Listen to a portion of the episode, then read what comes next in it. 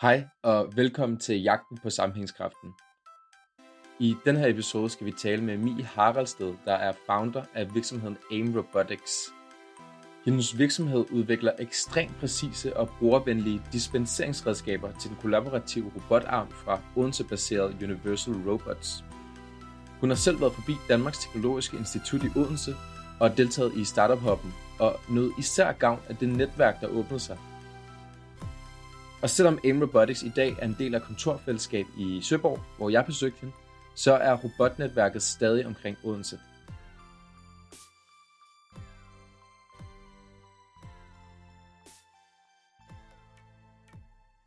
Tak fordi, at jeg måtte komme forbi her, jeres, øh, jeres kontor her i Søborg. Øhm, og til at starte med, øh, vil du ikke fortælle lidt om, hvordan du kom til at arbejde med robotter til at begynde med? Ja, det er lidt af en øhm, crazy historie i virkeligheden, fordi øhm, det var ikke noget, jeg sådan øh, havde drømt om eller valgt med vilje, skulle jeg til at sige. Det var faktisk, øh, jeg var del af en anden startup, og så øh, ringer min fætter til mig og spørger, om jeg ikke har lyst til at være med og starte et nyt startup. Så nævner han så øh, Universal Robots og kollaborative robotter, og at, at han har så arbejdet inden for at sætte produktionslinjer op i længere tid, og så har set, at de her nye kollaborative robotter, de var bare helt vildt fede og nemme at programmere, og om vi ikke skulle lave noget udstyr til dem. Og så måtte jeg jo lige sådan google, hvad det var, og hvad Universal Robots var, og, og hele den her verden. Øhm, men det, der så tiltrækker mig også, en af de grunde til, at jeg stadig er her, det er jo fordi, at det er en af de nye steder og områder, industrier at være indenfor, som gør, at det er lidt spændende. Altså, der er ikke, øh, der er ikke sat så mange regler for, hvordan man skal gøre tingene. Kollaborative robotter, det er robotter, en robotarm for eksempel, som er lavet til at arbejde ved siden af operatøren på en produktionslinje. Og operatøren, han kan så føle sig sikker, at den her robot ikke går ind og skader dig. Så den har nogle sensorer på, som gør, at, at hvis den rammer dig, så stopper den. Robotterne de er blevet lidt mere med sige, menneskelige, så man kan ligesom interagere med dem lidt, og de skal ikke være hegnet ind, og så kan man arbejde med dem. Og så nogle af de første, der lavede de her robotter, det var så Universal Robots i Odense. Og øhm, ja, det var så derfor, jeg også henvendte mig til dem til at starte med. Og så fik jeg en øhm, robot med hjem at lege med. Og jeg åbnede den sådan hjemme på, på spisebordet, og kattene løb væk og syntes, at det var lidt underligt. Men jeg havde fået at vide, at den var super nem at lege med. Så jeg tog og stillede den op, og så tændte jeg for den, og startede den, og fik den til at bevæge sig, og alle de her ting. Og øhm, altså helt ærligt, man kan gøre det, ikke? Er det ikke vildt? Det synes jeg var fedt. Var det derfra, at du så sprang ud i øh, startup-miljøet? Øhm, Eller gav det dig bare blod på tanden til at... Jamen det var så her, ikke, hvor, de så, hvor, hvor Henrik, min fætter, så siger, Nå ja, men skal vi ikke lave noget, øh, noget udstyr til dem? Og så tænkte jeg, fint nok. Og så, ja, det var, det var faktisk det, der skulle til. Så tænkte jeg, det, det kigger jeg lige på. Øhm, og fandt ud af, at altså inden for dispensering for eksempel, der er ikke nogen løsninger. Øhm, så i det hele taget, altså lige så snart man har en nem robotarm at arbejde med, så skal den i virkeligheden have noget værktøj eller en hånd, der kan udføre selve arbejdet. Og hvis det ikke findes på samme måde og integreret, har den samme øhm, af, hvad hedder det, øh, samme måde at arbejde på, at det skal være brugervenligt og nemt at håndtere, så er det jo egentlig ligegyldigt, om armen er super nem, hvis alt andet ved siden af det er svært. Øh, så den tanke kunne jeg rigtig godt lide. Og så er det jo lidt af en, af en udfordring at få at vide, at det her findes ikke. Kan du ikke lige lave noget, og så skal det jo øvrigt være super fantastisk nemt og simpelt at bruge. Så øh, det tænker jeg, det, det vil jeg gerne. Så det blev så startskud til AIM Robotics? Yes. Ja, ja, men stort set næste dag, så satte jeg mig for at prøve at finde ud af, hvad vi skulle hedde, fordi at øh, øh, jeg vil godt ind i et øh, kontorfællesskab, så jeg ikke sad derhjemme og i nattøjet hver dag. Og så, øh, så for at komme ind på det her i et kontorfællesskab, så skulle jeg faktisk have et navn. Og så måtte jeg jo skynde mig at finde på et inden øh, udløbsdatoen, eller ansøgningsdatoen. Og øh, det blev så til AIM, der er en masse tanker omkring det navn. Og så måtte vi jo lave logo, alle de der sjove ting. indtil mm. jeg i virkeligheden skulle tænke på, hvordan produktet skulle være. Og virksomheden. Så hvad er tankerne bag AIM? Yes. Okay, så AIM, det er, øhm, fordi vi laver dispenseringsudstyr til kollaborative robotter. Og de skal jo ramme rigtigt til at starte med. Aiming. Øhm, og så i det indebærer også en noget præcision øh, og at vi faktisk laver og udvikler noget, der er til, øh, til brugeren. Så det er super brugervenligt og nemt at finde ud af. Og med et velgennemtænkt navn og en klar vision, sigtede Mie mod Odense Robotics Startup Hub, og oplevede tydeligt de fordele, der er af at blive en del af et regionalt startup hub. Det er fordele som eksempelvis uformel vidensdeling og et stærkt netværk. Der er jo så meget ved et, øh, et netværk, eller man også får det der fællesskab, bare når man står og laver kaffen, og så øh, finder ud af, at vi begge to har brug for en øh, supplier inden for en specifik, specifik elektronikkomponent, og så har de en, eller vi har en, eller vi har en kontakt inden for emballage, og så lige pludselig, så har vi løst en andens problemer lidt hurtigere. Øhm, ja, det gør tingene lidt nemmere. Og så mm. er der også, at man ikke sidder, sidder der alene på alle timer af døgnet. Der er altid nogen. Mm.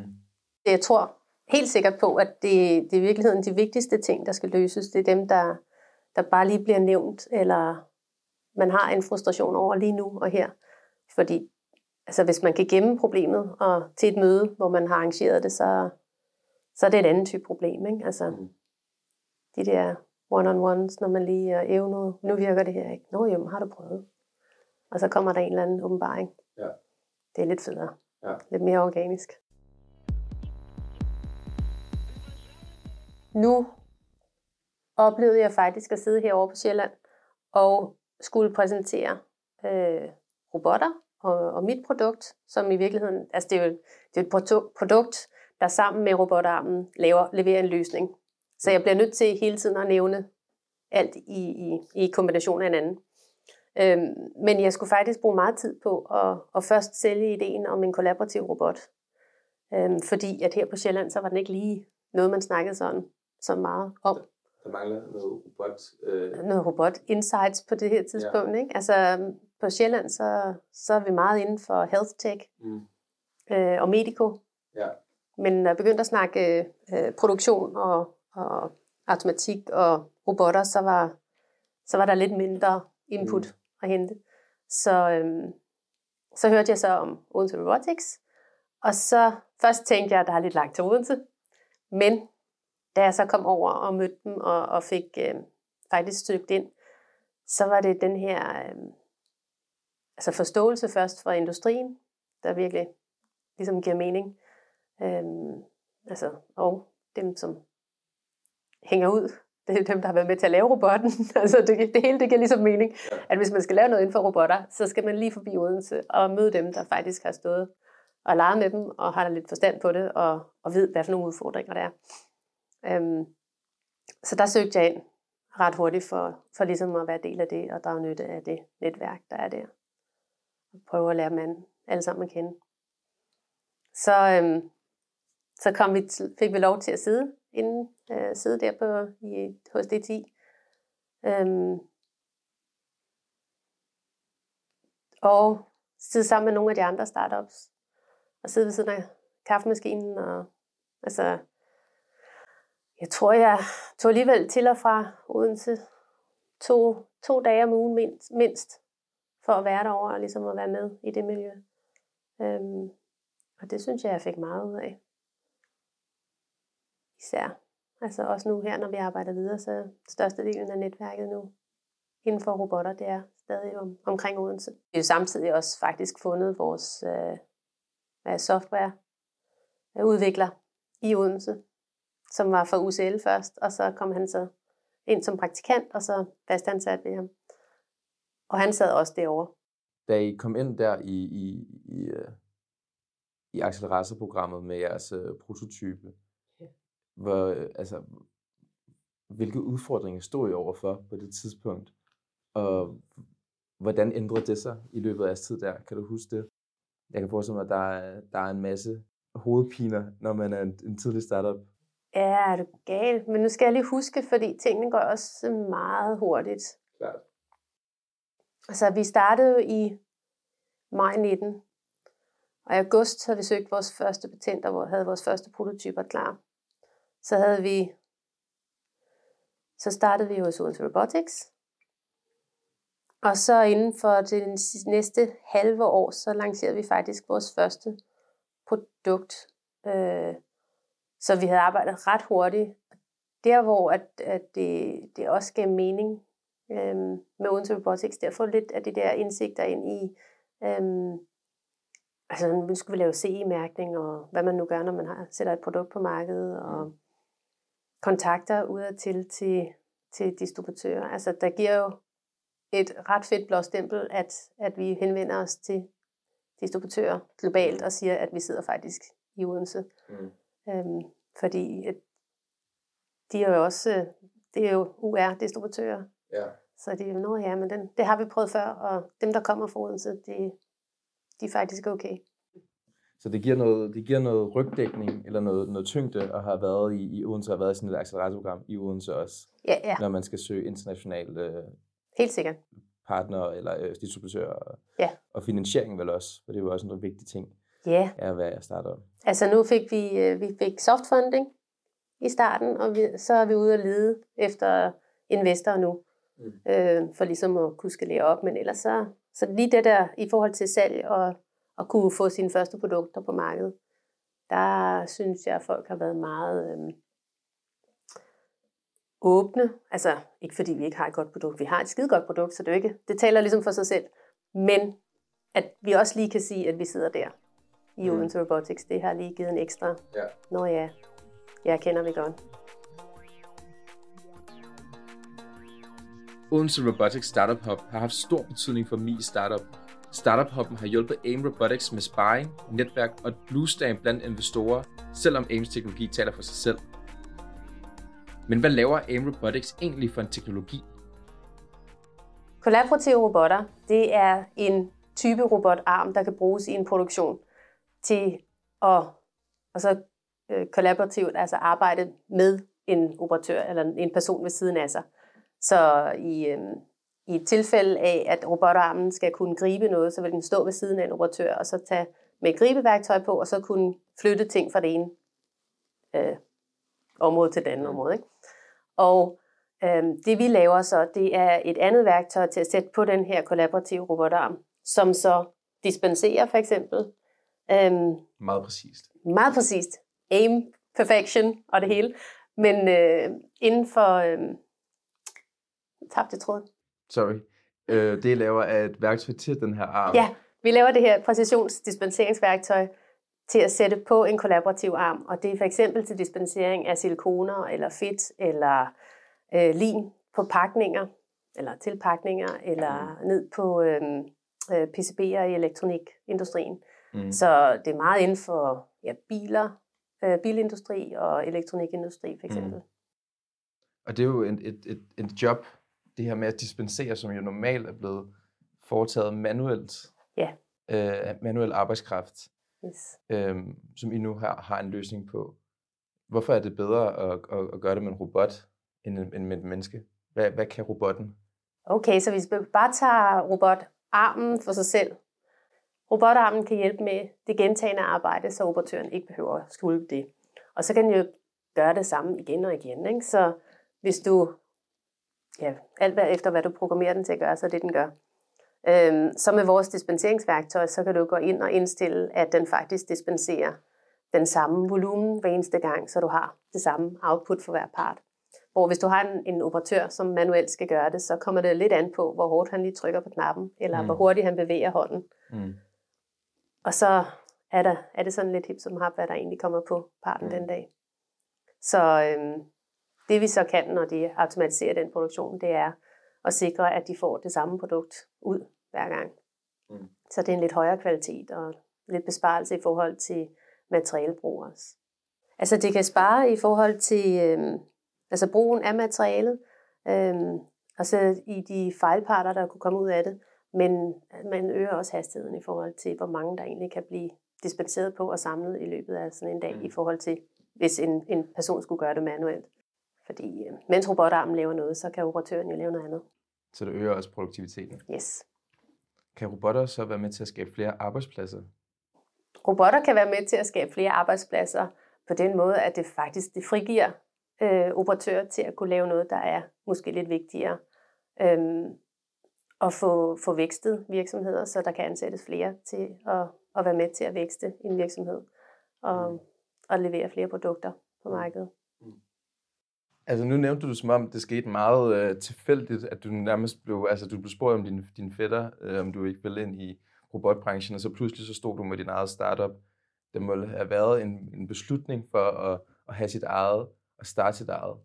Hvad, hvad, hvad, hvad, hvad drev dig til at ikke bare være ansat, men, men, men være founder og CEO af, af din egen virksomhed?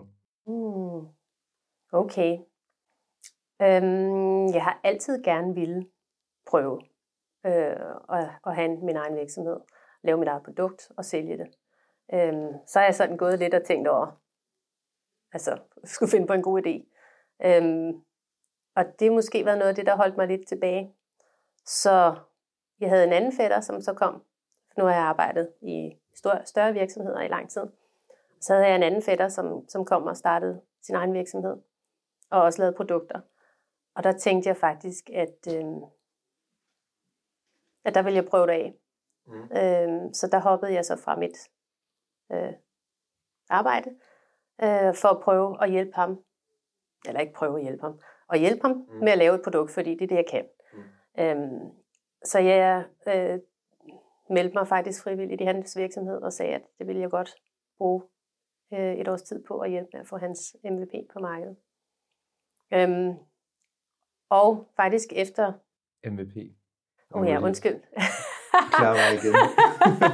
Minimal viable product. Så Right. det er sådan absolut basic. Øhm, jeg synes, basic, det lyder også lidt crazy, men det produkt, der lever op til det, som brugeren har faktisk har brug for, Okay. uden alt for mange dikkedarer. Fordi at når man først begynder at udvikle, så kan man jo godt tænke sig til, at når jeg øh, brugeren har brug for det her, men i virkeligheden, så kan jeg jo tilføje x, y, z Ja. og lave det endnu bedre, men man skal måske lige starte med det første produkt og få det verificeret okay. af brugeren.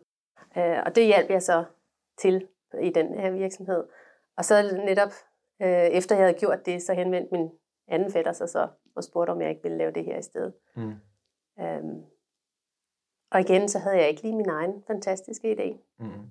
Men jeg kan godt lide at blive udfordret med de her Mm. øhm, problemer, der skal løses. Så du gik lidt og samlede inspiration, eller øh, fik insights til, til hele det her startup-miljø? Ja, ja, ja. Og hvad der var muligt? Det gjorde jeg faktisk. Mm. Ja, så det var faktisk nok lige, lige et år, hvor jeg kunne gennemskue, hvad, hvordan øh, økosystemet fungerer i Danmark, og, Mm. og hvad der egentlig skal til. Mm.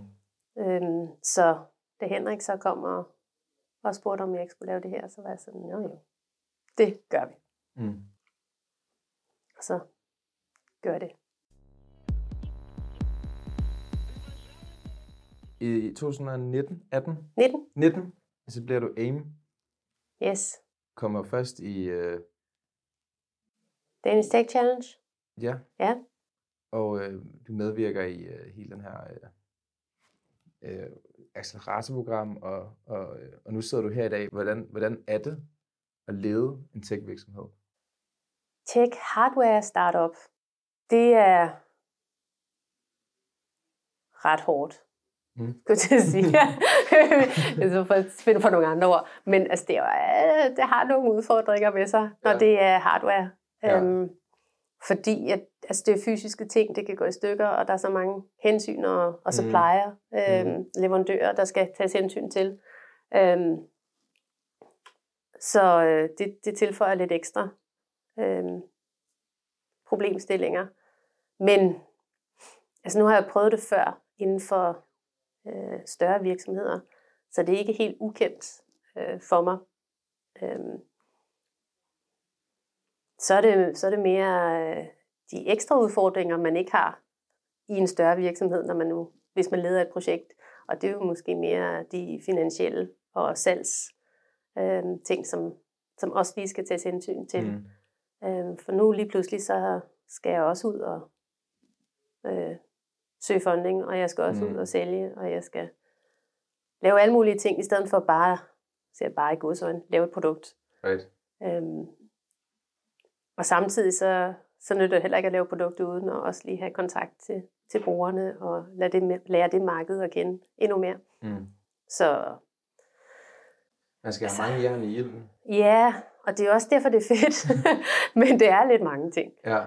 Øhm, men det er alle de her små ting, der ligesom øh, bliver pakket ind i den, den store gave til sidst, skulle jeg sige. Mm. Der er så mange ting at lære og, mm. og, og gøre noget ved og kunne ændre på. Øhm, så jeg synes, det er ret fedt, men det er ikke bare sjov. Men jeg kan forestille mig, at der er noget, noget frihed og også noget sjov i, at i de uformelle rammer, der er med en, øh, en startup virksomhed. Mm. Nu nævnte du, at uh, for det første, branchen er fuldstændig udefineret. Ja. Og det er virksomheden vel så også på en eller anden måde. Ja. Øhm, er det ikke fedt at, at, at være i sådan et mega fleksibelt, udefineret rum? Det er selvfølgelig også skræmmende, kan jeg forestille mig, men... Ja, altså det, det er jo der, hvor vi så i virkeligheden selv skal prøve at definere, hvad vi vil være. Ikke? Mm. Øhm, og jeg kan godt lide at være det der lidt cowboyland, hvor der ikke er reglerne, og man selv må mm. definere, hvem man nu er i det her spilrum. Det synes jeg er meget fedt, men øhm, så vi har også, altså lige hos AIM, der har vi også, gør vi også tingene lidt anderledes, end, end man måske vil gøre i andre virksomheder. Med lidt mere fleksibilitet, fordi at det kan vi. Mm. Øhm, hvor at hvis vi ender med, eller når vi bliver en større virksomhed, så, så kan det godt være noget af den her fleksibilitet bliver, bliver ændret lidt. Mm. Øhm, hvor vi så bare skal være helt sikre på, at vi får den samme øh, vibe med. Mm. Øh, så alt ikke ændrer sig. Men vi nyder helt sikkert godt af at, at være i det her fleksible rum, hvor vi kan prøve ting af mm. og lære noget hurtigt og bevæge os hurtigt.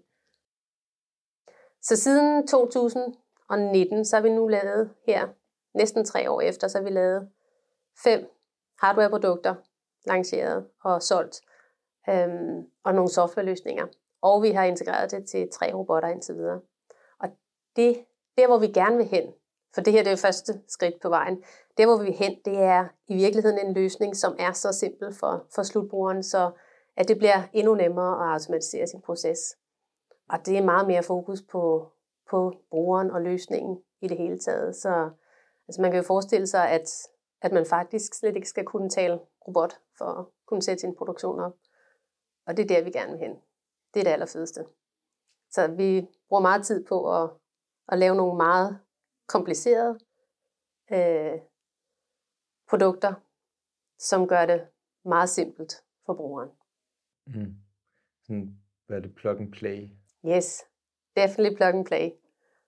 Og så, altså, det, vi skal helst derhen, hvor at, at brugeren er så øh, confident mm. med brugen af de her robotter, så de har lyst til at pakke den ud hjemme på spisbordet og, og lege med den, uden at tro, at ting kan gå galt. Det er ligesom den følelse, du havde, ja. da du først fik en yes. Uh, yes. UR. Ja. skal alle sammen have en med hjem. Ja. Der er ingen tvivl om, at sammenhængskraften blandt startups spiller en stor rolle for deres vækst. Og derfor er det vigtigt med initiativer som Odense Robotics Startup Hub, der i den grad er med til at skubbe robotbranchen fremad. Og hvor er det spændende at tænke på, hvordan fremtiden kommer til at se ud. Robotterne bliver flere og flere, dygtigere og dygtigere til at samarbejde, og nemmere og nemmere at operere. Apropos fremtiden, så har Simon, der er founder af virksomheden Monopols, udviklet et næsten science fiction-agtigt bud på, hvordan fremtidens søredningsmissioner kan forbedres. Det kan du høre mere om i næste episode. Mit navn er Mathias Dyrborg Sakker. Vi høres ved.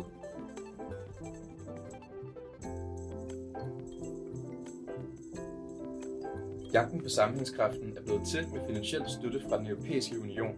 Vi her i Nyt Europa er ene ansvarlige for indholdet, og indholdet er ikke nødvendigvis et udtryk for den europæiske unions synspunkter. Også Europanævnet har givet støtte til podcast-serien. Tak for det.